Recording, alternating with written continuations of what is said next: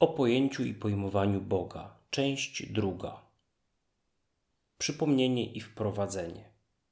W pierwszym wpisie z tej serii podjąłem temat pojęcia i pojmowania Boga. Wskazałem, iż należy prowadzić namysł nad pojęciami, których używamy, ponieważ nie służą one jedynie do komunikacji, ale również kształtują nasz sposób poznawania świata, a przez to i podejmowania działań. Podałem również za Dariuszem Łukasiewiczem trzy możliwe źródła tworzenia treści pojęcia Bóg doktryna religijna, teologia, czyli racjonalny namysł nad świętymi tekstami religii, osobiste doświadczenie religijne, różnego rodzaju przeżycia mistyczne, np. omamy, halucynacje, odmienne stany świadomości, urojenia, czyli silne przekonania irracjonalne, ale również przeżycia emocjonalne, katarzis, odczucie wszechogarniającej miłości, poczucie sensu swojej egzystencji, poczucie sensu istnienia świata, poczucie jedności ze wszystkim i filozofia, czyli rozumowy namysł nad rzeczywistością.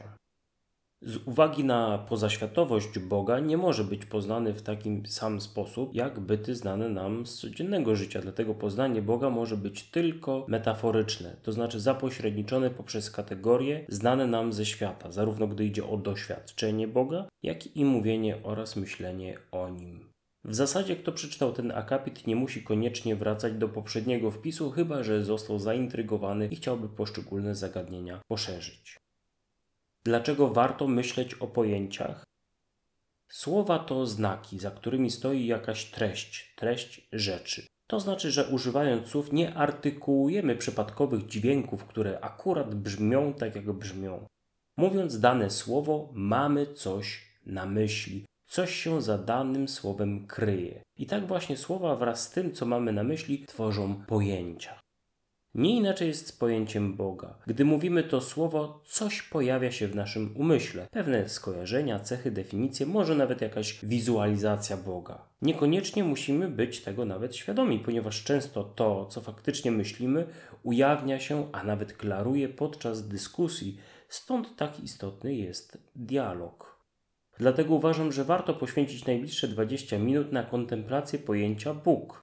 Z jednej strony pozwoli to nam na prowadzenie rozmowy w dość uporządkowany sposób, a z drugiej dostarczy wiedzy o nas samych, ponieważ to, jak postrzegamy rzeczy, jest zależne od filtru naszego umysłu, a ten znowu zależny jest od naszej wiedzy, zdolności logicznego myślenia, dotychczasowych doświadczeń i przyjętych poglądów. Inaczej mówiąc, to, co myślimy o Bogu, więcej świadczy o nas niż o nim. Nieuwarunkowany, który warunkuje wszystko inne. Mówiąc o Bogu, należy zaraz dodać, jakiego Boga mamy na myśli, bowiem inną treść pojęciową skrywa Bóg chrześcijański, inną muzułmański, inną judaistyczny, inną bogowie egipscy, greccy, mezopotamscy, a jeszcze inną hinduski absolut Brahman.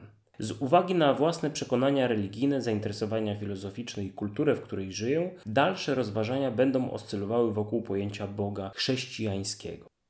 Podstawą tych refleksji jest pewien ogólny rdzeń pojęciowy, który może wyglądać następująco. Bóg to byt nieuwarunkowany, sam zaś warunkujący świat. Faktycznie można byłoby podać nieco inną podstawę, ale ta wydaje mi się zarówno wystarczająca na ten moment, jak i poprawna. Omówmy pokrótce elementy powyższej definicji. Byt znaczy coś, co jest.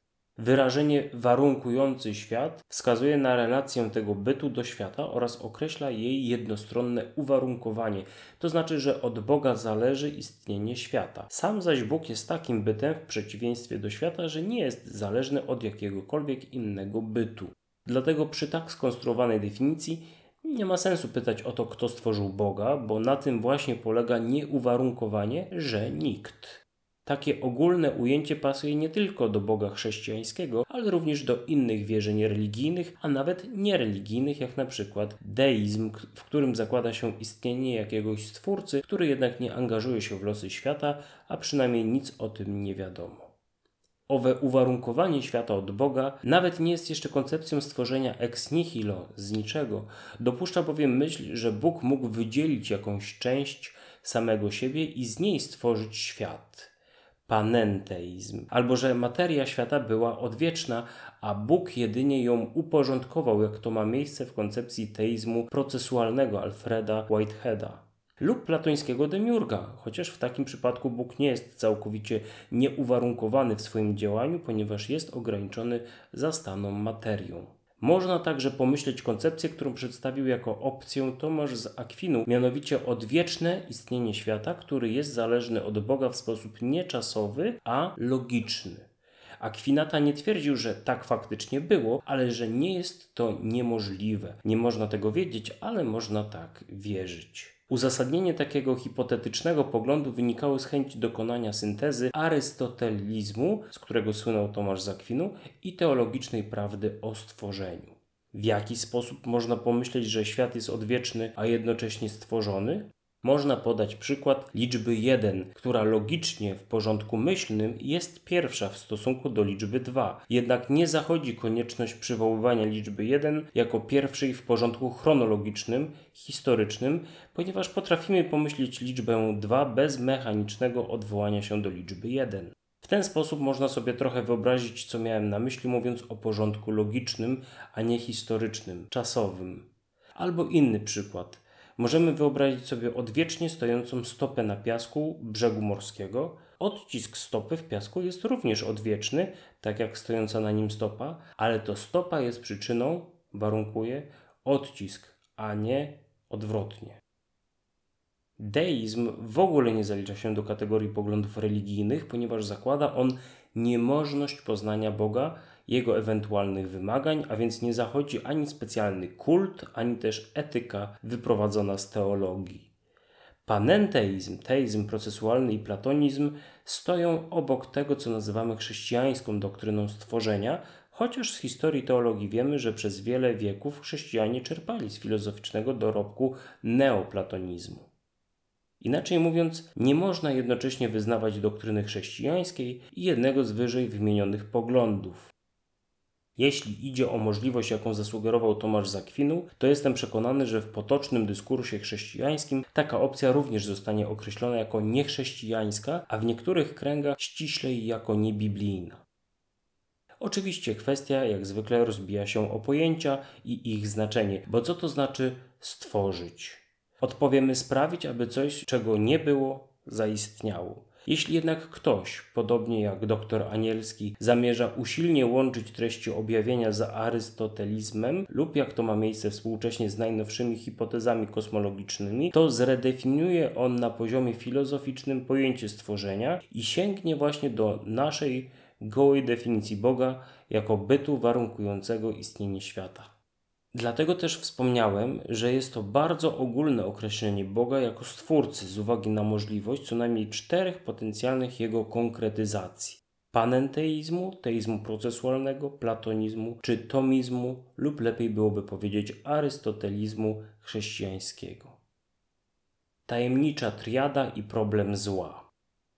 Bóg chrześcijański, oprócz tego, że jest bytem nieuwarunkowanym i warunkującym świat, dokładniej stwórcą, jest Bogiem doskonale dobrym, wszechwiedzącym i wszechmocnym. Te trzy określenia już bardzo dużo mówią o Bogu, ponieważ wyznaczają jego zakres i sposób działania, a z naszej perspektywy jako stworzeń, ustalenie tego, czego możemy się po Bogu spodziewać, jest zagadnieniem kluczowym. Przy głębszym zastanowieniu Zestaw tych trzech atrybutów jest jedną z największych trudności apologetyki chrześcijańskiej, czyli obrony wiary, ponieważ w konfrontacji z doświadczeniem faktu zła na świecie pojawia się tak zwany problem zła. Sądzę, że można go uznać za najczęstszą przyczynę porzucenia wiary w Boga chrześcijańskiego, czy każdego Boga, któremu przypisuje się powyższe cechy. Problem zła można wyrazić następująco. Skoro Bóg jest doskonale dobry, wszechmocny i wszechwiedzący, to dlaczego stworzył taki świat, o którym wiedział, że wolne istoty popełnią w nim grzech, przez co pojawi się zło, cierpienie i śmierć? Z punktu widzenia opcji ateistycznej pytanie to jest retoryczne, a odpowiedź brzmi mniej więcej tak. Niemożliwe jest, aby pogodzić istnienie doskonale dobrego, wszechwiedzącego i wszechmocnego Boga z istnieniem zła na świecie. Zło istnieje, to jest fakt niezaprzeczalny, a więc taki Bóg nie istnieje.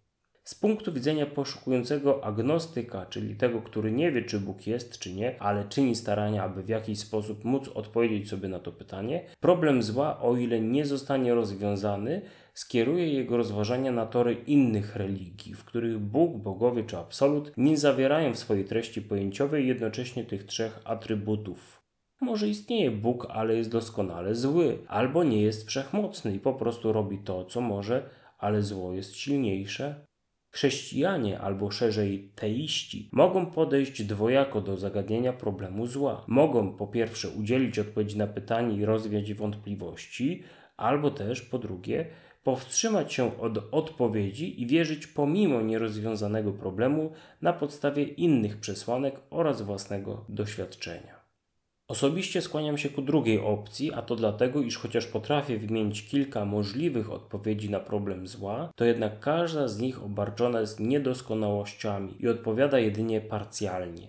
Jeżeli nie miałbym żadnych innych argumentów za istnieniem Boga oraz doświadczeń interpretowanych przeze mnie jako doświadczenia religijne, to problem zła prawdopodobnie zmusiłby mnie do wybrania opcji co najmniej agnostycznej albo na przykład buddyjskiej. Istnieją takie koncepcje teologiczne, w których dokonuje się odpowiedniej reinterpretacji wspomnianych atrybutów Boga w taki sposób, że fakt zła jest w jakiś sposób wytłumaczalny.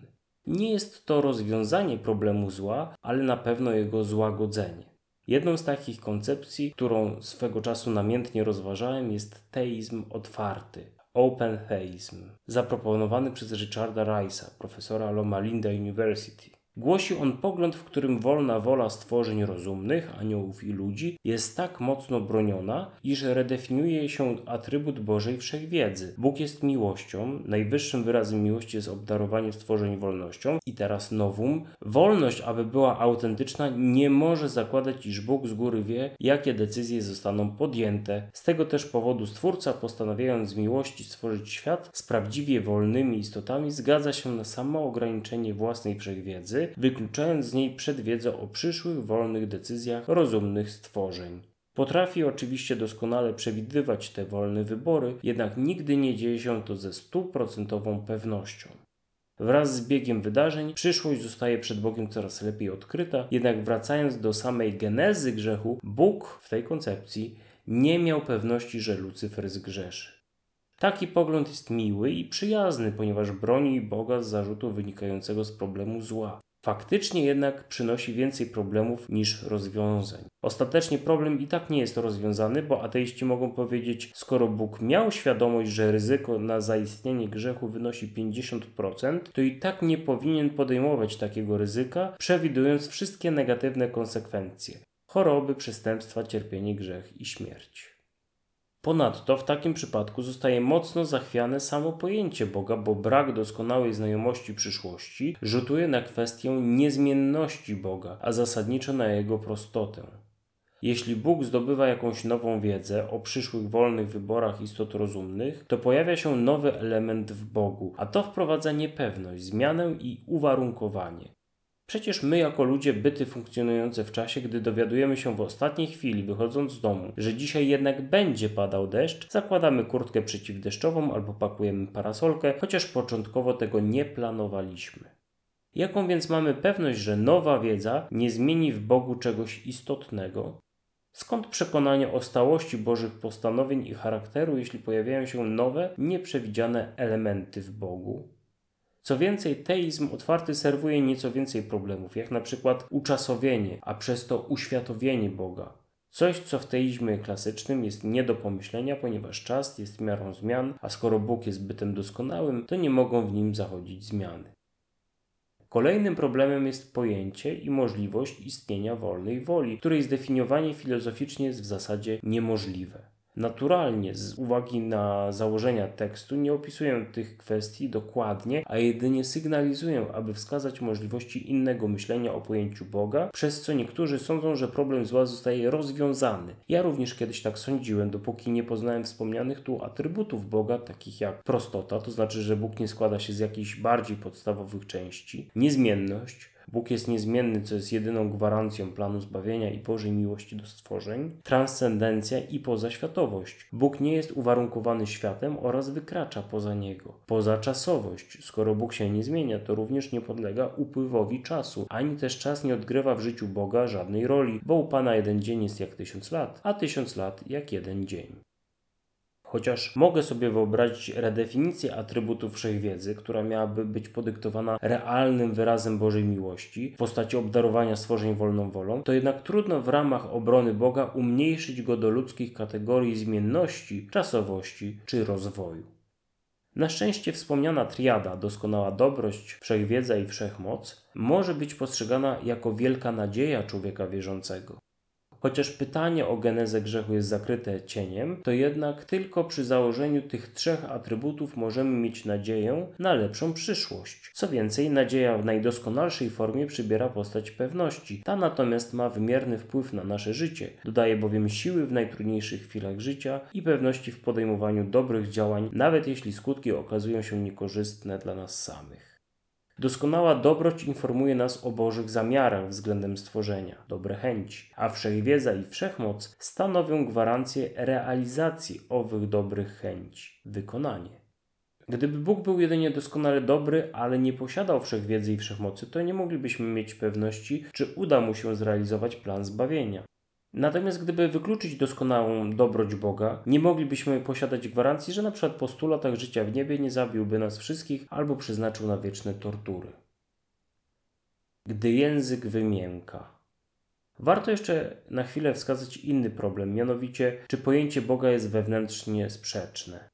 Jest to kolejny zarzut ateistów, że pojęcie Boga, którym właśnie się teraz zajmujemy, jest sprzeczne wewnętrznie, co przemawiałoby raczej za nieistnieniem bytu, który w swojej teoretycznej strukturze posiada sprzeczność logiczną, jak na przykład kwadratowe koło. Samo pojęcie wyklucza możliwość istnienia takiej figury geometrycznej.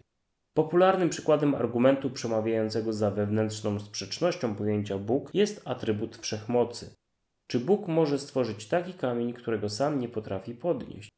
Każda odpowiedź okazuje się przeczyć możliwości istnienia atrybutu wszechmocy. Bo jeśli Bóg potrafi podnieść dosłownie każdy kamień, to znaczy, że nie potrafi stworzyć takiego, którego by nie umiał podnieść. Jeśli jednak umiałby stworzyć taki kamień, oznaczałoby to, że nie potrafi go podnieść. Dlatego też na przestrzeni wieków teologowie i filozofowie chrześcijańscy doprecyzowywali treść znaczeniową pojęcia wszechmocy, a także innych atrybutów Boga.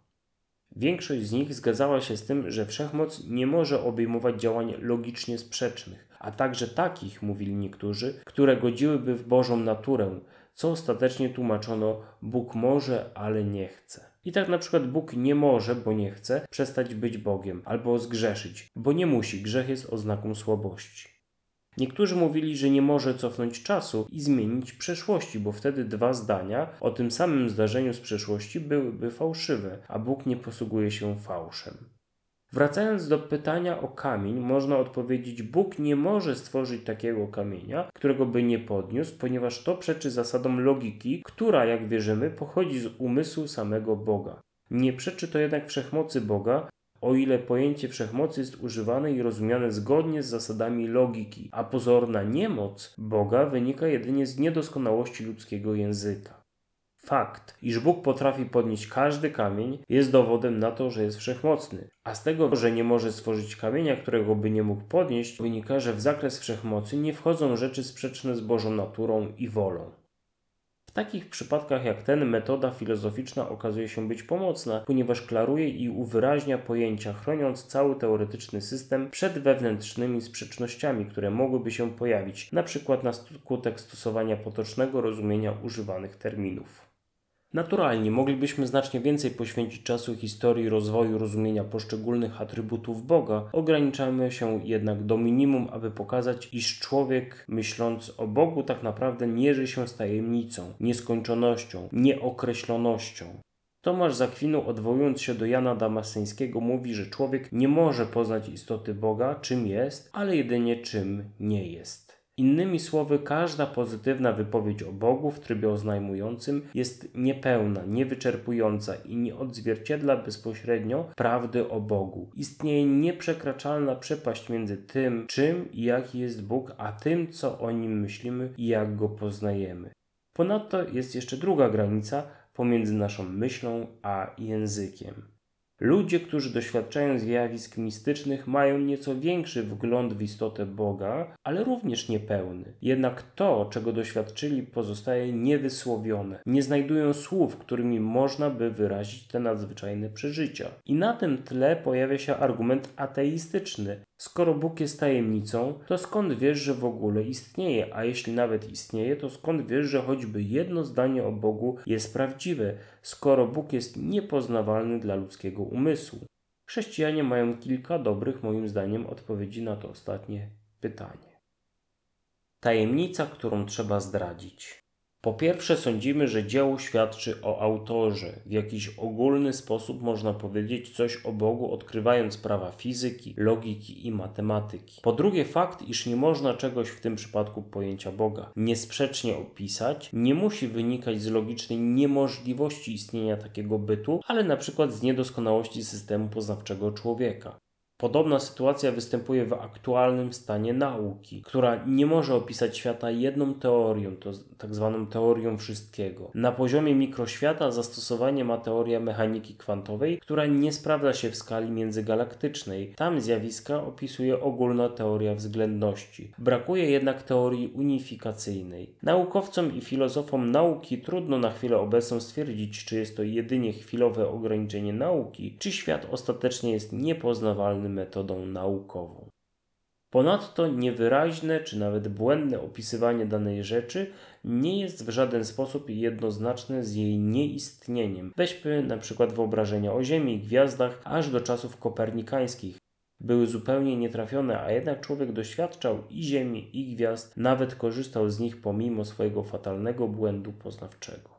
Po trzecie, chrześcijanie odwołują się do świętych tekstów, czyli ksiąg Biblii, jako wiedzy nadnaturalnego pochodzenia. Argumentem za takim twierdzeniem jest odpowiednia interpretacja przepowiedni, proroctw, które ukazały losy świata na długo przed ich faktycznym zajściem w świecie.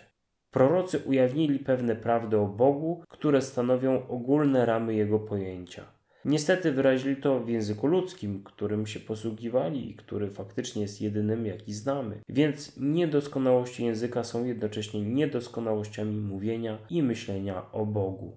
Ostatnim źródłem, o którym warto wspomnieć, jest prywatne doświadczenie religijne każdego wierzącego, na podstawie którego pojawia się jakiś subiektywny zarys tego, jaki Bóg jest oraz jak działa w naszym życiu.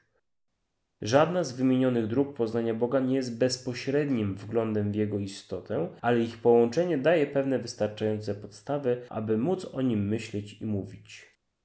Augustyn z Hipony powiedział, że gdybyś zrozumiał, zrozumiała Boga, to przestałby nim być.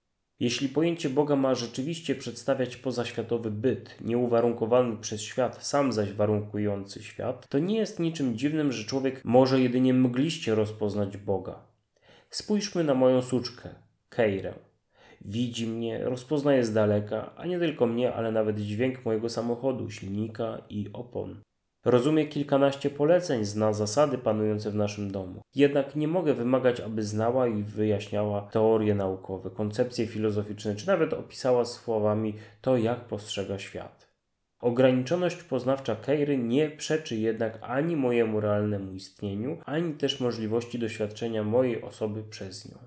Tajemnica skrywa w sobie wielką nadzieję, pociechę. Jeśli Stwórca okazałby się tak samo mądry i funkcjonujący na tych samych zasadach, na których funkcjonują stworzenia, dzięki czemu moglibyśmy go wystarczająco dobrze określić, to przynajmniej ja straciłbym nadzieję na raj, na lepsze jutro. Jeśli jednak Bóg przewyższa mnie tak, iż nie mogę go zrozumieć, to również mogę mieć nadzieję, że jego możliwości działania i plany są równie potężne, co i niepojęte. Czy Bóg jest chwiejny emocjonalnie? Wróćmy jednak do pojęcia Boga chrześcijańskiego, ponieważ powiedzieć, iż jest bytem nieuwarunkowanym, warunkującym świat, doskonale dobrym, wszechwiedzącym i wszechmocnym, to nadal za mało. Biblia ukazuje Boga jako osobę. Pojęcie osoby nie jest jasno zdefiniowane, a jego definiowaniem w zasadzie nie zajmuje się ani biblistyka, ani teologia, lecz filozofia. W zależności od przyjętych filozoficznie kryteriów osobowości określimy dany byt jako osobę lub nie.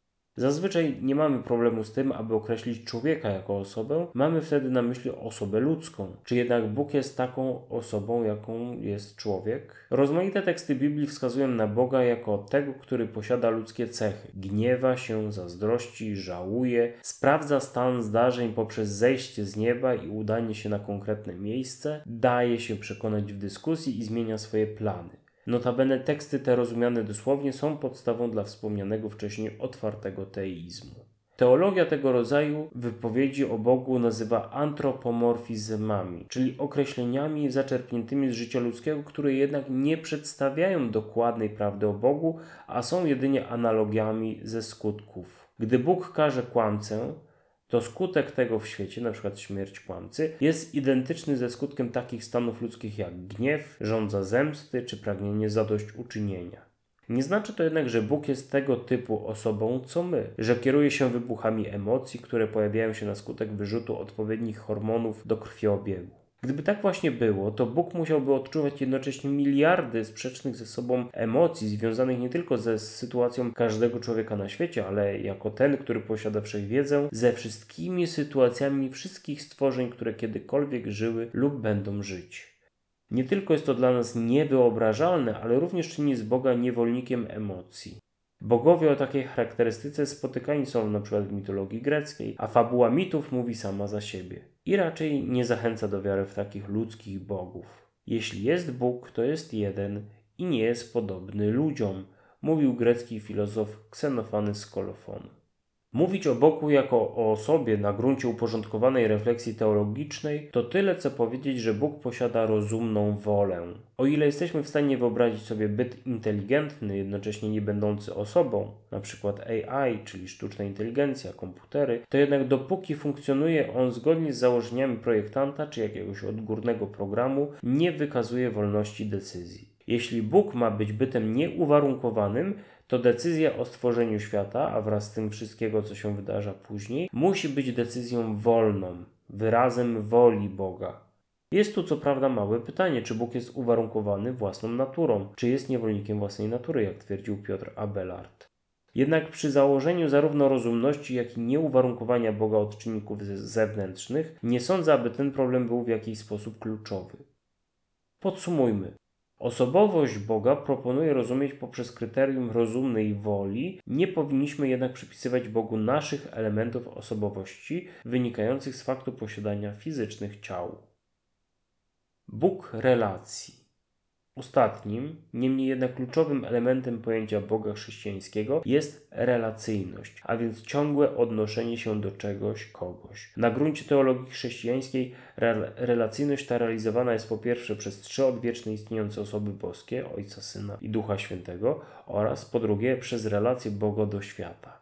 To właśnie element relacyjności osobowej, tego, że Bóg zawsze odnosi się do kogoś, stanowi podstawę uzasadnienia stworzenia świata. Co więcej, relacja osobowa, aby mogła faktycznie mieć trwałe podstawy swojego istnienia, jest relacją miłości. Taką, w której dobro drugiej strony jest najważniejsze. I chociaż już mówiliśmy o doskonale dobrym Bogu, to jednak mówić o Bogu, który stanowi fundament osobowej relacji miłości, jest czymś dalej idącym, przynajmniej w naszym ludzkim języku. Można powiedzieć, że jest to dopowiedzenie albo istotne uszczegółowienie tego, co oznacza doskonała dobroć Boża. Mówiąc w skrócie za apostołem Janem, Bóg jest miłością, a miłość możemy rozumieć jako stałe dążenie na rzecz dobra drugiego bytu, drugiej osoby. Rekapitulacja definicji Boga. Reasumując dotychczasowe rozważania, przekształćmy odpowiednio pierwotny rdzeń pojęcia Bóg, tak aby uchwycić istotę Boga chrześcijańskiego.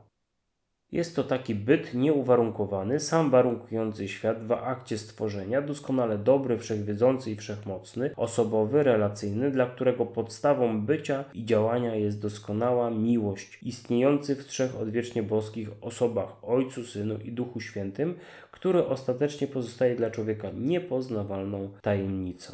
Takiej definicji brakuje kilku ważnych elementów. Teologowie zapewne zarzuciliby mi, że nie mówią nic o prostocie Boga, pozaświatowości, transcendencji, immanencji, bezcielesności, niecierpiętliwości i jeszcze kilku innych. Nie odczuwam jednak wyrzutów sumienia, bo powyższa treść pojęcia stanowi solidny fundament, na którym mogą być prowadzone dalsze rozważania. I co z tego, skoro masło ciągle drożeje? To prawda, masło od kilku lat stale drożeje. Ostatnio w jednym z polskich marketów kosztowało 6,59. Cena masła w grudniu 2019 roku. Z tego okresu pochodzi pierwszy szkic tego tekstu. To jest realny problem, bo przecież chcielibyśmy czymś posmarować chleb, a większość z nas wybrałaby do tego jednak masło. Okazuje się, że takie abstrakcyjne rozwiązania również mają jakąś swoją praktyczną przydatność. Naturalnie nie jest to aż tak oczywiste do zauważenia, dlatego pozwoliłem sobie napisać jeszcze kilka akapitów. Mam nadzieję, że udało mi się czytelnika skłonić do refleksji nad pojęciem Boga, a przy okazji również nad samym fenomenem pojmowania go, czyli procesem ujmowania Boga w pojęcie. Wskazałem kilka zasadniczych kierunków chrześcijańskiego pojęcia Boga, przy okazji zarysowując problematykę argumentacji ateistycznej. To, o czym może nie wspomniałem wprost i w sposób wystarczający, to fakt, iż wszystkie te kwestie były lub są poruszane na gruncie teologii i filozofii chrześcijańskiej. Nie jest tak, że jakiś ateista musi dopiero przyjść i oświecić głupich wierzących trudnościami, jakie wiążą się z pojęciem Boga. Niestety bardzo wąskie grono osób wierzących interesuje się dokonaniami filozofii na tym polu, dlatego często nie wiedząc o tym, iż niektóre problemy były dyskutowane przez wieki i są już gotowe odpowiedzi na pewne pytania, porzucają wiarę, bo jawi im się to jako dziecinna czy zupełnie irracjonalna wiara w ścisłym znaczeniu tego terminu. Jak jednak to wszystko przekłada się na nasze codzienne życie? Załóżmy na chwilę, że nie wiemy do końca, czy Bóg jest, czy nie. Zróbmy ukłon w stronę osób agnostycznych i niewojujących ateistów, bo ci wojujący to i tak zawsze mają rację, co byśmy nie powiedzieli. Czy możemy w ogóle rozmawiać o Bogu z osobami, które nie są przekonane co do Jego istnienia albo działania w świecie? I tu właśnie istotnym zagadnieniem okazuje się samo pojęcie Boga. Przy tym naszym chwilowym zawieszeniu przekonań okazuje się, że to, do czego wszyscy ludzie mają dostęp, niezależnie od poglądów, jest faktycznie samo pojęcie Boga słowo i to, co za nim stoi, treść rzeczowa. Jeśli pamiętamy jeszcze początek tego tekstu, język jest potężnym narzędziem nie tylko klarowania myśli, ale również działania. Oznacza to, że pojęcie Boga ma istotny wpływ na nasze życie. Z jednej strony, w zależności od tego, co mamy na myśli mówiąc Bóg, będziemy skłonni raczej w Niego wierzyć lub nie. Z drugiej strony, to, co sądzimy o Bogu, jaki jest, wpływa również na nasz kodeks etyczny, a to znowu przekłada się na praktyczne postępowanie.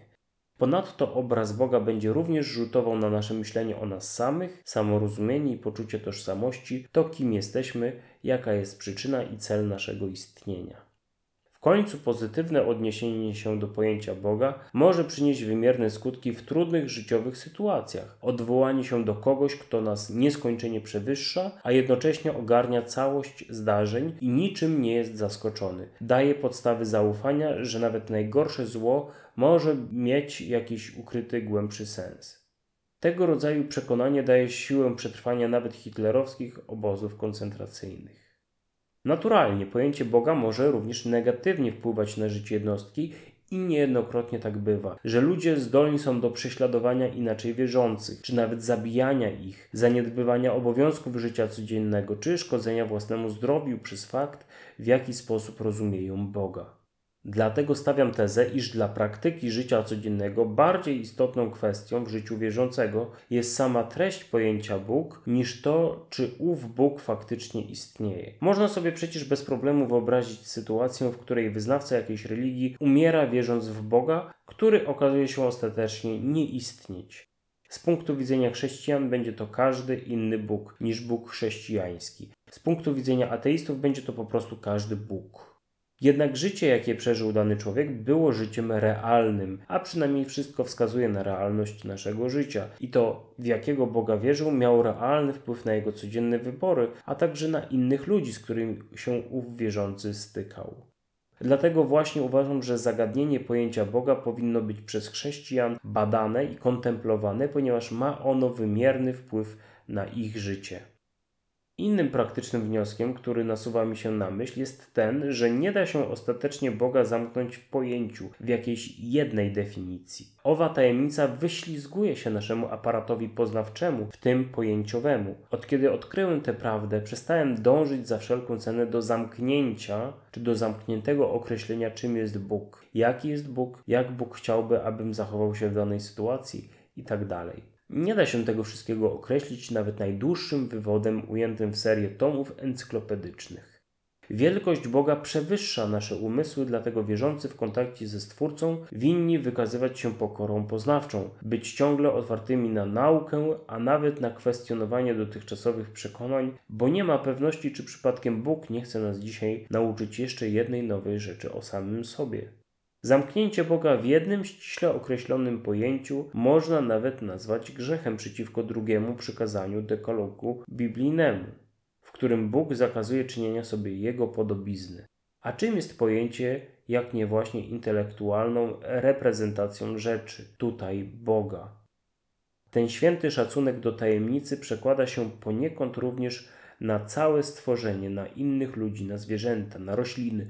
Jeśli nie potrafimy doskonale objąć Boga, to skąd pewność, że doskonale obejmujemy Jego dzieło? Być może Bóg chce nas nauczyć również czegoś w relacjach z Jego stworzeniem. Apostoł Jan nawet wskazuje, że to, co widzialne, stanowi podstawę i jakby kurs do wiary w to, co niewidzialne, a miłość do drugiego człowieka jest warunkiem miłości do Boga. Tak więc nic dziwnego, jeśli Bóg, chcąc nas pouczyć o samym sobie, najpierw pouczy nas coś o swoim stworzeniu. Dziękuję za uwagę i do usłyszenia. Sensoholik, czyli Konrad Pasikowski.